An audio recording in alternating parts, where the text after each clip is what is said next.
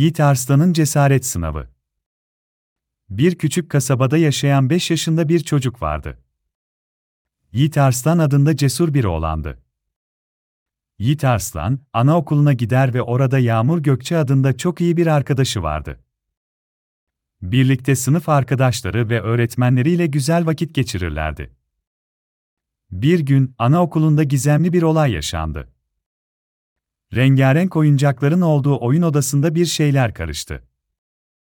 Yiğit Arslan ve arkadaşları oyun odasına geldiklerinde şaşkına döndüler. Tüm oyuncaklar ve eşyalar yerle bir olmuş, sanki bir hortum geçmiş gibiydi. Çocuklar ve öğretmenleri bu duruma bir anlam veremedi. Öğretmenleri, bu olayın nasıl olduğunu öğrenmeye karar verdi ve çocuklardan bu gizemi çözmelerine yardım etmelerini istedi. Yiğit Arslan ve arkadaşları korkmuş olsalar da, cesaretlerini toplayarak bu gizemi çözmeye karar verdiler. İlk olarak, Yiğit Arslan ve arkadaşları oyun odasında ipuçları aramaya başladılar. Minik elleriyle oyuncakları ve eşyaları düzeltirken, Yiğit Arslan bir not kağıdı buldu. Üzerinde şu yazıyordu. Oyun odasındaki karmaşayı kim yaptıysa, onun cezası büyük olacak. Gizemli olayı çözen çocuklar cesaret madalyası kazanacaklar. İyi şanslar. Bu not sayesinde Yiğit Arslan ve arkadaşları oyun odasını dağıtanın bir ceza alacağını ve gizemi çözenlerin cesaret madalyası kazanacağını öğrendiler.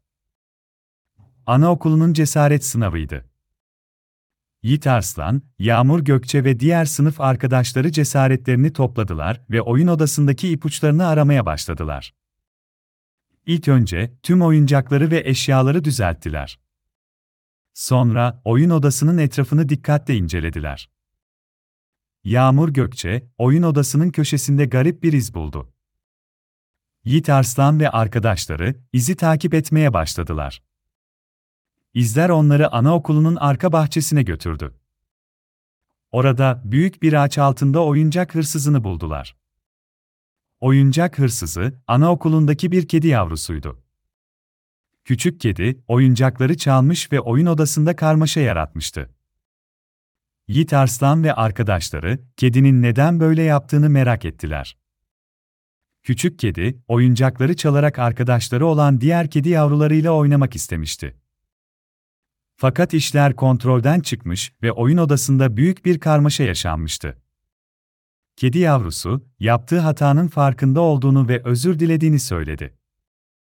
Yiğit Arslan ve arkadaşları, kedi yavrusuna bağışladılar ve ona yardım etmeye karar verdiler. Küçük kediye, nasıl paylaşacağını ve oyuncakları nasıl düzgün bir şekilde kullanacağını öğrettiler. Kedi yavrusu, bu dersler sayesinde daha iyi bir arkadaş oldu ve anaokulundaki herkesle mutlu bir şekilde oynamaya başladı. Bu olaydan sonra Yiğit Arslan, Yağmur Gökçe ve sınıf arkadaşları cesaret madalyalarını kazandılar. Cesaretlerini toplayarak gizemi çözmüş ve kedi yavrusuna yardım etmişlerdi. Bu macera sayesinde minik yiğitler azimle her zorluğun üstesinden gelebileceklerini öğrendiler. Ve böylece Yiğit Arslan ve arkadaşlarının cesaret sınavı sona erdi. Hayat, anaokulunda her zamanki gibi sürdü. Fakat çocuklar artık cesaret ve azimle her zorluğun üstesinden gelebileceklerine inanarak büyüdüler.